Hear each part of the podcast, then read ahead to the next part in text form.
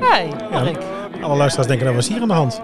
Ja, we hebben, eh, we hebben een andere aflevering als normaal, hè? Ja, dat kunnen we wel stellen. Sowieso, Sonair is vliegen. Nee, Sonair zit, in de, zit, is op cursus en moet vliegen. Dus die is er deze week eh, niet. En eh, wij zijn dus voor het eerst samen, zoals we vorige week hebben aangekondigd. En we beginnen even met een, met lekker muziekje op de achtergrond. Ja. Volgens mij moeten wij er nou doorheen praten, want anders dan krijgen we gedoe met Buma Stemra-rechten en zo. Ik weet niet Oh, ja. precies. Da- da- daar krijg je We dan mogen niet helemaal bij. natuurlijk zo uit laten luisteren. Maar eh, ja, wat je hoort is, eh, is Buddy Holly met eh, Peggy Sue. En dan zou je denken, ja, hoezo hoort dat nou thuis in een luchtvaartpodcast? Nou, dat vertel ik weer zo. Dames en heren, maak uw stoelriemen vast. Dit is Ready for Takeoff, de Nederlandse luchtvaartonderwijspodcast. Ja, zoals ik al zei, een, eh, een andere aflevering eh, dan anders. Maar in ieder geval eh, nog steeds van harte welkom. En fijn dat je luistert naar de gezelligste luchtvaartpodcast van Nederland. Ik ben Mark. En ik ben Mout. En, En uh, Mout is er sinds vorige week bij. Eigenlijk hebben we ze voorgesteld. En deze week meteen voor de leeuwen. En gelijk zelf aan de gang. ja, super spannend. nou ja, ik heb hè? al heel erg geluisterd naar de vorige aflevering natuurlijk, hè? Naar jezelf. Ja, ik moet natuurlijk wel een beetje Heel luisteren? Heel Dus, verstandig. eh, Nee, dat is heel goed. Dat is trouwens heel... Hoe vond je dat? Eh, raar. En je zegt heel vaak eh, heb ik al geluisterd. Dus eh, ik ga er eh, Ja, maar dat komt ook... Nee, maar dit is Sonair appte dat. Sonair WhatsAppte van nou, ik hoor, je zegt heel vaak eh. Maar ik, ik heb ook nog zitten luisteren, maar dat eh valt eh best eh, wel mee. Ja, Oké, nou Ja, ja. het is maar net als je op gaat letten. Het, het moet even wennen.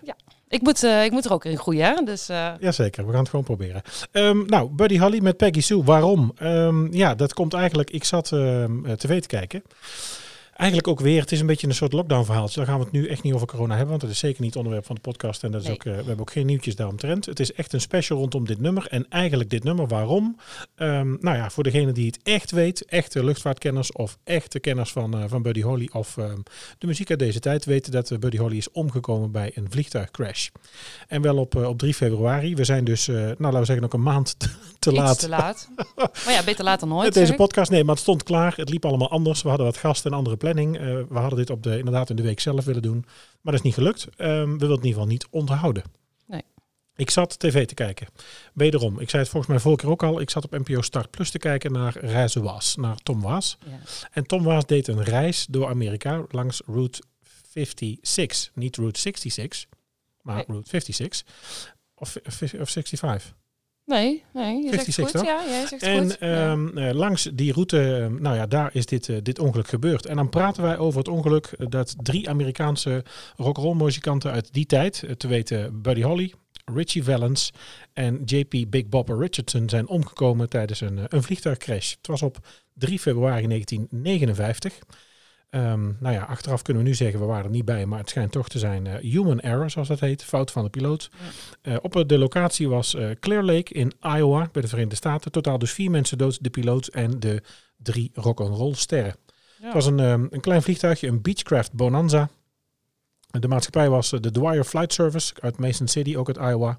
En eh, niemand heeft het dus, eh, dus overleefd. En sindsdien wordt die dag ook wel genoemd. En zo heet ook deze podcastaflevering. Dus dat heb je al zien staan. En wellicht toen al gedacht, hey, wat zou dat zijn? The Day the Music Died. Deze naam is overigens bedacht door Don McLean. Ook een zanger uit die tijd. Die gaan we straks nog horen. En hij heeft deze naam gebruikt in het liedje American Pie. Waar hij dus zingt over eh, deze rampzalige dag. Nou ja, het is natuurlijk een kleine generatiekloof geweest tussen ons.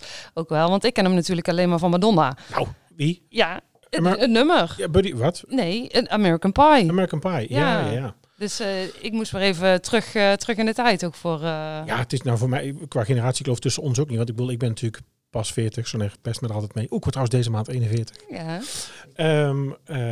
Oh jee, oud. Maar ik ben natuurlijk ook niet uit 1959. Ik bedoel, dit is natuurlijk ook niet... Nee. Hè, dit is geen tijd die ik eh, hoor te weten of dat ik het op de radio hoorde. Hè. Zo is het niet. Nee. nee. Nou, de Daily Music Died. ehm, eh, nou ja, eigenlijk als het gaat om het ongeluk, begin. En dan wil ik eigenlijk gewoon eventjes... we maken er een soort Tijdreis van. een tijdreis. En het lijkt een beetje op de top 2000. Ja. Top 2000. Ik, ik ga nog niet Leo Blokhuis imiteren. Of ik wil hem ook zeker niet opzij stoten, want die Mm. man is veel beter dan ik. Maar eh, als het gaat om de tijd voor het ongeluk, begin 1959 waren Holly Valens en Richardson samen met eh, de Hollies Band. Ze waren daarmee bezig en ze waren bezig met een concerttour.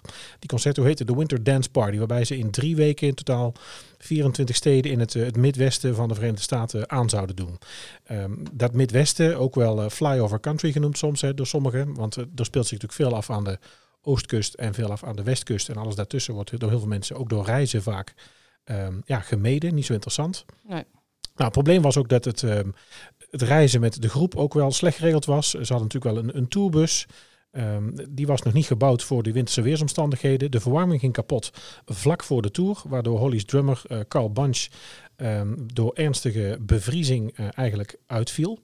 Eh, Nou, omdat het mooiste was, het waren zijn tenen die, eh, Ja, die ja. dus bevroren waren. dus dan heb je geen bassdrum. Nee, en nee, dat sowieso niet. Maar ja, dan moet het dus wel echt uber koud zijn. Ik zet mijn microfoon weer even goed, want volgens mij... staat Ja, iets voor je mond denk ik. Dan wordt het nou goed, we zijn aan het Oh, leren. hè? Nou ja, dat, dat hoort er allemaal bij. Maar ja, de tenen waren dus echt helemaal bevroren. Hij kon niet meer lopen. Ah, niet le- maar goed, dan kun je... Ja, en ik weet, ik heb ook nog een tijdje in een blauwe, een blauwe maandag eh, gedrumd. Oh. Dan heb je geen bassdrum, want dat doe je namelijk echt op je tenen. nee, ja. Bassdrum en, eh, en je hi-hat. Dus het... Nee, Ja. dus, eh, dus hij kon er ook niet, niet mee door daarin. dus ja, dan moet het wel heel erg koud zijn in de bus ook vooral geweest. Ja, nou, tijdens die tour, ehm, ehm, de, de groep die op 2 februari nog een dag vrij had, had besloten die promotor die dag op te vullen met een extra concert in de Surf Balloon in Clear Lake. Daar moesten ze dus naartoe. Na die aankomst in de eh, Surf Ballroom had Buddy Holly nou, het duidelijk echt wel gehad met die tourbus en stelde voor om het concert, om na dit concert te proberen een vliegtuig te fixen en eh, door te vliegen naar Moorhead, naar het volgende concert, de volgende locatie. Ja, grappig is dus wel, hè, we zeggen heel vaak, en je ziet eigenlijk ook als je kijkt naar alle rampen die tot nu toe gebeurd zijn, meneer Murphy is altijd aanwezig. Meneer Murphy zit altijd aan boord, hè, de wet van Murphy. Als er Mhm. één ding fout gaat, gaat er meer fout. En ook hier zie je eigenlijk, nou ja, het lot, hoe het lot kan lopen. Hè. Zo kun je dus, ik heb het volgens mij wel eens aangehaald hier ook in de podcast, zo kun je een vliegtuigramp krijgen doordat een monteur gisteren ruzie had met zijn vrouw. Vannacht weinig heeft geslapen, eh slaperige kop toch naar het werk is gegaan. Vandaag in de motor een schroefje laat vallen, vliegtuig gaat vliegen. Nou, het schroefje komt in de motor terecht, daar slaan dingen kapot en vervolgens gaat er van alles fout. Ja. Eh, gaat er iets met de motor gebeuren? Moet de piloot reageren? Die is waarschijnlijk ook moe of zit op het einde van zijn vlucht. En zo krijg je fout op fout op fout. Of in ieder geval ja, speelt het lot met, eh, met ja, wat je gaat overkomen. Als, hij dus niet, als ze dus niet waren gaan toeren langs al die steden, niet langs dat Midwesten, eh, wel gewoon een goede tourbus hadden gehad. Maar dat is altijd, je spreekt altijd achteraf van Ja. als. Ja, dat is natuurlijk nu makkelijk, 1959, om nou in nou, terug, 2021 terug te te zeggen. denken, ja. Had een fatsoenlijke tourbus Ja. gekocht, maar zo werkt het natuurlijk niet. Of was niet ingestapt. Dat is Ja, dat ook. is natuurlijk, dat was wat mensen heel vaak natuurlijk denken, ook bij een vliegramp, ja, was maar niet gegaan. Stel nou dat hij niet gegaan was, ja. Nou, ehm, als je terug gaat denken, want eh, ik las inderdaad dat eh, twee vrienden, Valens en eh Alsup, noem je hem zo? Alsup? Ja, Richie Valens. Ja. Ehm, die waren aan het grappen, die hebben dus getost om een plaats in het vliegtuig. Oh, man. Ehm, maar dat vergeet hij dus zelf ook niet meer, hè? want die heeft altijd gezegd, had ik zelf maar ingestapt. Had ik daar gezeten. Ja. Ja. En nou, eh, hij heeft nog geroepen zelfs, eh, ik heb nog nooit wat gewonnen. Hij was helemaal blij dat hij gewonnen had, eh, die tos. Om, oh, die Tommy, Tommy Elstap. heet ja, ja, ja. Om, om in te stappen bij het vliegtuig. Och, man. Nou ja, dan sla je zelf ook voor de kop. Oh, ja. Nou, het was dus, eh, ze moesten dus van Clear Lake naar Moorhead. Eh, Holly had het vliegtuig, Buddy Holly had het vliegtuig gecharterd bij, bij Roger Peterson. Dat was een lokale piloot van die Dwyer Flying Service in Mason City. En kreeg dus inderdaad de Beechcraft Bonanza toegewezen. Mocht je nog willen zoeken, dat kan natuurlijk foto's. Het vliegtuigregistratienummer was november 3794 november. Ehm, nou ja, wat je al zei, inderdaad dus, er was maar plaats voor drie. Er zouden dus twee leden van de band meegaan, Waylon Jennings en Tommy Alsup. En na een tos heeft dus eh Alsup, nou ja, het overleefd. En eh, ieder ander die is ingestapt eh, heeft het niet overleefd. Nou, Richardson was tijdens die tour ziek geworden. En de reden dat hij mee was, is dat hij ook eigenlijk niet langer met die bus mee kon. En ehm, hij stond dus, Jennings stond dus zijn plek aan hem af, aan Richardson. Dus daarom zat Richardson, oftewel ook wel genaamd de Big Bopper, zat ook aan boord. Ehm, ja, in het vliegtuig eh, eh, Richie Valens dus. Die had eigenlijk nog nooit in een klein vliegtuig gevlogen. Toste dus met Elsop om die derde stoel en won. Ehm Dion Demucci en eh, van Dion en de Belmonts kreeg ook een plek in het vliegtuig aangeboden, maar sloeg hem zelf af. Dus ook weer iemand die dus door, laten we zeggen, het lot, of in ieder geval door zelf de keuze te maken, toch in die tourbus stapte en niet is in het vliegtuig is gestapt en dus niet is omgekomen. Maar wat ik, wat ik heb gevonden, want inderdaad, de Beechcraft, het is eigenlijk een sportvliegtuig, toch? Ja, het is natuurlijk een klein toestelletje. Het, weet je, Ja. het is natuurlijk iets wat je, zowel, je kunt daar nu, Beechcraft maakt nog steeds deze vliegtuigen. Het zijn meestal herkenbaar aan een beetje een soort eendenneus en hele grote ronde ramen. Ja. Dat is een beetje het, eh, dat zijn de belangrijkste herkenningspunten van een, ehm, van een Beechcraft. En dit was dus ook een, ehm, ja, weet je, een, een klein eh, privévliegtuigje. Ja. En het is dus echt niet bedoeld voor, eh, voor grote transporten dingen, maar echt alleen maar om ja, dus hobbymatig zelf mee te vliegen. Ja. Maar ze worden nog steeds gemaakt. Jazeker, en Ja. dit ook, maar dit was Ja. dus wel om dus een klein groepje te vervoeren. Hè? Ik bedoel, privévliegtuig in de zin van dit was geen liner met eh, eh, volop tickets verkopen en eh, naar, naar verre bestemmingen. Dit was gewoon voor klein transport, een klein privévliegtuig, klein sportvliegtuigje. Maar daar heeft het niet aan gelegen, want het heeft echt aan de piloot gelegen. Ja, daar komen we zo nog op. Ja. Ja, want het ongeluk dan zelf eigenlijk. eh, kort na één uur s'nachts, lokale tijd op die 3 februari, zijn ze vertrokken vanaf Mason City, de Municipal Airport. Rond vijf over één zag de eigenaar van de Dwyer Flying Service de lichten van het vliegtuig richting de grond gaan zelf nog. Het was eigenlijk Ja. kort na vertrek. De piloot werd erachter om zijn vluchtroute door te geven na het opstijgen, maar Peterson nam geen contact op met de toren. Dwyer probeerde herhaaldelijk het contact met het vliegtuig te krijgen. Dat lukte niet. Uiteindelijk rond half vier, toen ook eh, Hector Airport in Fargo geen contact kon krijgen met het toestel, hebben ze het als vermist opgegeven. Nou, die, ehm, die ochtend daarop, of eigenlijk eh, later in de nacht, in ieder geval tegen de ochtend om kwart over negen, eh, vertrok vanaf Dwyer een ander vliegtuig richting Moorhead. Die heeft dezelfde route gevlogen. die, die Peterson die nacht ervoor zou hebben moeten vliegen. En rond 9 uur 35 zag hij het wrak van het vliegtuig ehm, in het maisveld liggen, zo'n nou, 8 kilometer ten noordwesten van het vliegtuig. Ja. Lichamen en inzittenden waren tijdens de crash uit de kist geslingerd. En die lagen rondom eh, het wrak. Carol Anderson, de manager van de Surf Ballroom, die werd erbij gehaald en identificeerde de lichamen bij het vliegtuig als eh, Holly, Valance en Richardson. Dus eigenlijk de, de man die de, eh, die de zaal beheerde en die de, de band geboekt had, moest erbij komen om aan te wijzen dat het om de betreffende heren ging. Ja, heftig man. Ja. Ja, en dan oorzaken. Je zei ook al, het is inderdaad, eh, het wordt aan de, aan de vlieger, aan de piloot eh, toegeschreven. Onderzoekers concludeerden dat het vliegtuig eh, moest zijn neergestort vanwege slecht weer en fouten van de piloot. Peterson was nog een onervaren vlieger als het ging om nachtvluchten en vluchten met slecht weer. Slechte zichtomstandigheden met waar de piloot eigenlijk moet vertrouwen op alleen zijn, instrumenten in plaats van het gezichtsvermogen. En eh, volgens eh, de CAB, de Civil Aeronautics Board, had eh, Peterson zijn training voor instrumentvolgen gevolgd in vliegtuigen met een andere soort kunstmatige horizon dan in die Beechcraft Bonanza. Dus eh, de gyroscoop van de Bonanza gaf de, de stand van het vliegtuig eigenlijk eh, nou ja, tegenovergestelde van de kunstmatige horizon. Ja, waarbij hij dus mee had leren werken. En dit leidde dus tot de conclusie dat hij dus gedesoriënteerd raakte eh, bij dat slechte zicht. En dat is dus de aanleiding geweest voor het ongeval. Ik zou me voor kunnen stellen dat hij dus de horizon buiten en zelf anders zag dan op de meetapparatuur binnen. En dan dus gaat tegensturen eigenlijk. Hè? Maar dan ben ik misschien een leek daarin. Maar mag je dan gewoon dan wel daarin vliegen? Ook al heb je er niet de juiste Ja. trainingen daarvoor gehad? Nou, ik denk dat dat nu, en ik weet daar op zich zelf nou niet het fijne van, maar normaal gesproken heb je natuurlijk nu, heb je, je, hebt, je haalt een vliegbrevet. Je gaat Ja. leren vliegen. Dat doe je op, eh, op lesvliegtuigjes, dat doe je op sportvliegtuigjes, dat doe je op Cessna's. Dat doe je uiteindelijk misschien een keer op zo'n Beechcraft op iets groters.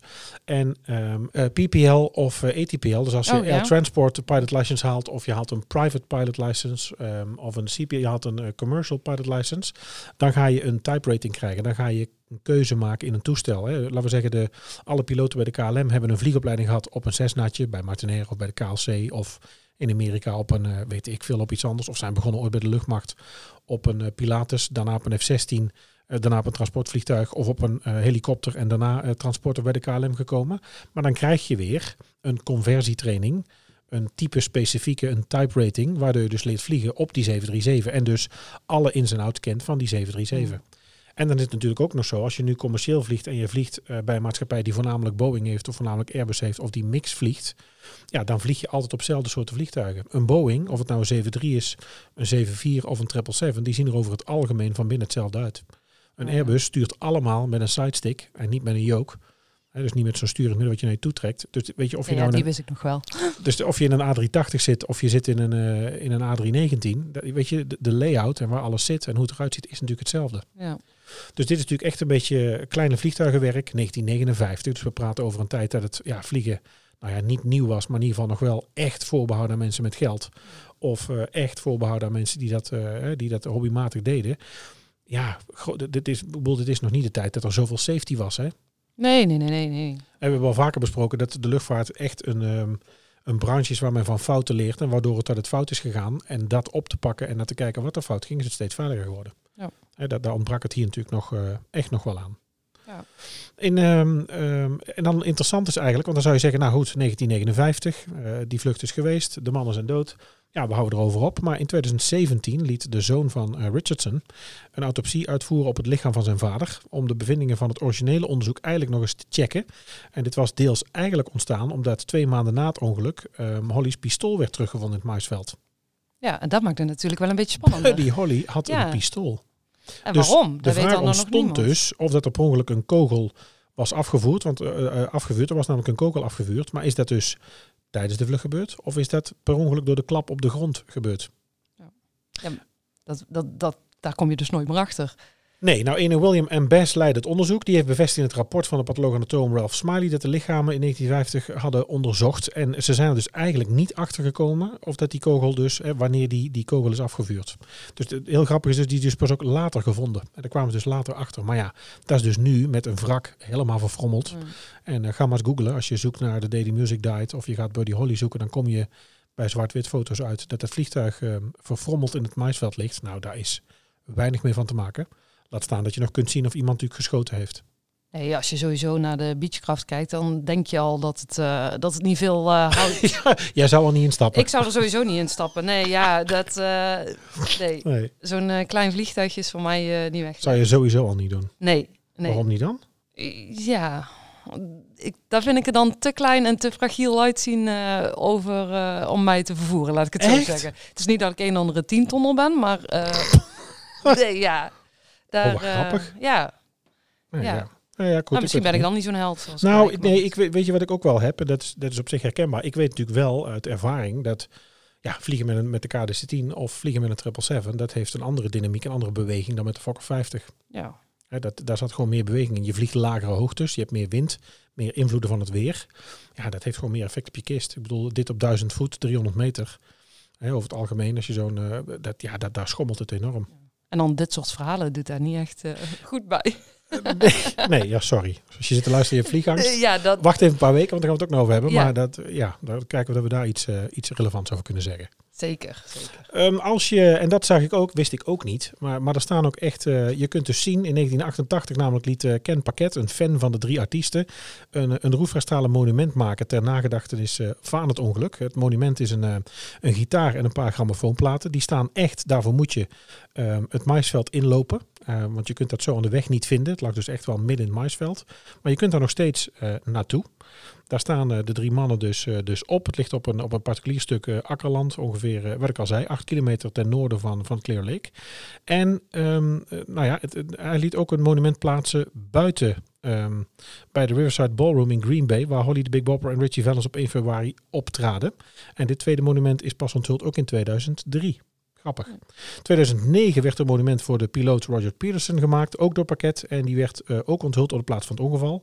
En dan heel grappig, en die staat dus aan de snelweg. Dat zag ik dus in, ehm in Rijzenwaas. Tom kwam daar dus langs. Daar staat een, een enorme, nou ja, larger than life, laten we zeggen, eh Wayfarer-style glas van, eh, van, Body, van Buddy Holly. Dus zijn bril, Ja. zijn model bril. Het, het is mega groot. Ja, daar wordt dan ook wel eens voor de grap over gezegd. Dit is de eerste Ray-Ban ter wereld die is gevonden. Nou, dit was dus zo'n Wayfarer. En eh, dit is dus echt zo'n eh, zo'n donker zwart montuur. eh, zoals je dat nu bij Ray-Ban kent. Ja. En dat is ook wel het, het entry point zeg maar, voor, de, voor de crash site. Als je daar rechtdoor loopt, dan kom je uiteindelijk in het maisveld uit. En daar staat voor de drie mannen het monument. Maar ik vind het ook altijd grappig dat inderdaad, eh en waren vroeger in de vroeger tijd natuurlijk heel erg beroemd, maar als ongelukken gebeuren of mensen overlijden, dan wordt het ineens altijd heel groot. Hè? Dan gaan mensen erover praten. En, Ja, nou dat ja, zit met het is nu schilders ook gebeurd. 2021, we praten er nog steeds over. Ja, is grappig. Want het is natuurlijk 1951 en wij hebben het er nu over. We Ja. hebben eigenlijk allebei niks. Met, kijk, wij kennen allebei het nummer. Wij kennen allebei de andere versies. Eh, American Pie. Eh, wij kennen natuurlijk allebei wel eh, Peggy Sue. Maar wij zijn natuurlijk zelf niet van die tijd. Nee, Dat is natuurlijk heel grappig. ja, en, inderdaad, eh, er zijn een aantal films geweest hè, over Richie. Ja, De La Bamba Ja. is geweest. En, ehm, en zo gaat er dan heel tijd leven. En eh, toevallig heb ik nou, kijk, gelezen, Elton John, Queen, Ja. op. Daar komt, eh, daar komt dan allemaal naar voren. En Bob grappig. Dylan was, dat is wel een leuk weetje, want daar heb ik dan eh, heb ik wel weer op gezocht daarin. Eh, Bob Dylan was drie dagen van tevoren aanwezig bij het concert. Ja. En die heeft daarna een Nobelprijs in ontvangst genomen. En die heeft echt eh, hun als inspiratiebron eh, bedankt Oh, eh, voor het ontvangen van een Nobelprijs. Ja. oh. ja, dus het heeft wel echt geleefd destijds daarin. Ja, maar het, het waren natuurlijk ook van die tijd. Als je kijkt, als je 1951, 50 en 60 jaren. Ja, dit zijn de artiesten die ook heel veel mensen in Nederland toen kenden. Hè, waar Ja. natuurlijk echt naar gekeken werd. Ja. Die ineens weg waren. Nou, het, jij noemde het onderwerp en toen ging ik eigenlijk ook kijken. Ik ken het ook echt van mijn vader's tijd. Zo. Ja, Op vakantie en dan, eh, dan stond eh, Buddy op, hè? ja. Buddy Lekker Holly. Spanje. Ja. Oké. Nou, wat later in de tijd, en dan praten we nu dus over, eh, over Don McLean. Dan gaan we het nu over de jaren 70 hebben. Eh het album wanneer het toen eh, uitkwam. Eh, American Pie, waar dus The Day the Music Died in voorkomt. American Pie is dus de single van, ehm, van de Amerikaanse zanger Don McLean. Sommigen kennen hem misschien ook van Vincent. Ja. Ehm, meerdere hits. Oorspronkelijk uitgebracht op het gelijknamige album eh, in 19, 1971. En in 2000, en daar herkende jij het natuurlijk van, is het gecoverd door Madonna. En in 2008 nog een keer door Chris de Burke, als je die eh, kent of daar luisteraar van bent. Nou, de tekst van het nummer is eigenlijk al eh, sinds de originele uitgave onderwerp van discussie en nieuwsgierigheid. Het nummer nou, behandelt in ieder geval, en dat, dat is zeker, het vliegtuigongeluk waar dus Holly Valance en de Big Bopper om het leven kwamen. Ehm, ja, dat noemde hij dus in zijn nummer The Day the Music Died. En McLean droeg het nummer op aan deze drie artiesten. Eh, desondanks wordt er, nou eigenlijk, alle drie worden dus niet bij naam genoemd. Hij heeft het dus wel gedaan bij de ontvangstname van zijn, ehm, van zijn Nobelprijs, maar dus niet ehm, als het gaat eh, op het album of daaromtrent, heeft hij het niet genoemd. McLean heeft verder eigenlijk ook alleen losgelaten dat het nummer deels over zijn eigen jeugd gaat, maar verder wil hij eigenlijk niks kwijt over wat de tekst betekent. Eh, naar zijn idee of in zijn beleving zijn, het, zijn er veel interpretaties van de tekst die eigenlijk de ronde deden en hij wil er geen enkele van de hand doen of zeggen dat het het niet is. Nee, maar als je verder onderzoek doet, eigenlijk kom je daar best wel, eh, kan je veel eh, dingetjes linken. Eh, ze hebben het natuurlijk over de weduwe. Buddy Holly had ook een vrouw, Maria, Helena toevallig. Mhm. En op het moment van ongeluk, en dat is misschien wel spannend om te vertellen, ik ben natuurlijk wel een vrouw en ik hou van roddelen. dus daar hou ik wel van. Ehm, Albert, Maria was op dat moment zwanger van het ongeluk. Eigenlijk zwanger van het ongeluk. Nee, zwanger. Op het moment van het Op- ongeluk op zwanger. Van, ja, zo, op het moment van het ongeluk zwanger. En eh, van Buddy. En eh, die heeft een miskraam gekregen op het moment dat ze zag, want ze heeft het via de televisie eigenlijk eh, vernomen dat haar man Oeh. verongelukt was. Heeft ze een miskraam gekregen en eh, ze is ook nooit op de bruiloft of op de bruiloft, op de begrafenis en eh, zijn graf geweest. Want Daar kon ze niet aan. Nee, zij geeft zichzelf de schuld eigenlijk dat eh, als ze zelf mee op tournee was geweest, dat, eh, dat hij niet ingestapt was. Ook al. Ook, Ja. ook al dus niet instappen. Ook Ja. was ik maar niet meegegaan. Wat als? Ja, what if. En als ik niet zwanger was geweest, dan. Ja. Ja, Goh, wat, wat, eigenlijk wat een, wat een drama omtrent zo'n artiest. En eh, weet je, dit lijkt dan een nummer. En als je het niet weet, dan luister je het nummer en denk je, ja, waar gaat het over? Hè? Dat heb je met veel Ja. nummers. Maar zo zie je als je beter gaat kijken. ja je, kan, je kan best wel veel linken daarin. Maar het- ik denk ook dat het veel over zijn leven ging hoor. Maar ehm, Ja. Ja, het gaat best wel veel over, eh, over Buddy. Heel grappig. Ja. Over de hit. Ik, ik zet het ondertussen, ga ik eh, kijken of ik hem eh, kan laten horen hier. En eh, de, die hit van Don McLean heeft dus eh, nou ja, vier weken op de eerste plaats gestaan op de Billboard Hot 100. En nummer eh 11 in de top 40 eh, bij, ons hier in, 11. eh, bij ons hier in Nederland. Ja, kijk, daar komt hij aan, Don. Lijkt bijna zonder me doorheen te praten. Ik wil bijna meezingen. Doe maar niet, zet ik je microfoon. And I knew if I had my chance that I could make those people dance. Werd gezien als het, eh, they'd belangrijkste be nummer van, eh, van de happy 20e for a eeuw. Hij duurt trouwens 8 But minuten 30. February made me shiver with Het is every het, nummer wat het, eh, het langste nummer wat ooit in de hit Billboard, de Billboard Hot 100 heeft gestaan. Dat is ook lang, hè? Ja. one more step. toch even luisteren. Ja. I can't remember if I cried when I read about his widowed bride. But something touched me deep inside the day the music died. So bye bye, Miss American Pie. Drove my Chevy to the levee, but the levee was dry.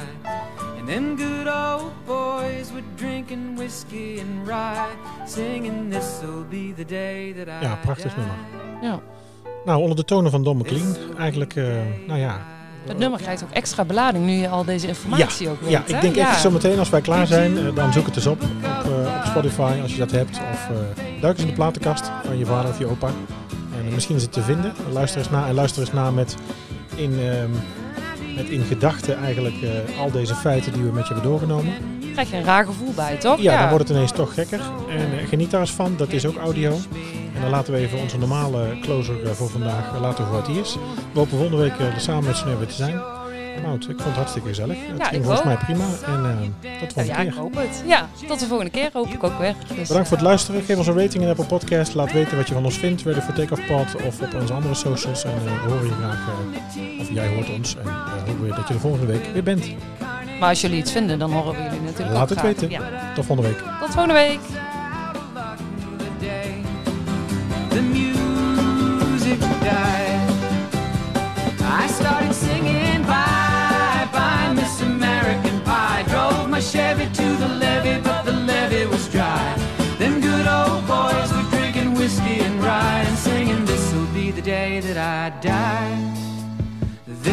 The day that I die.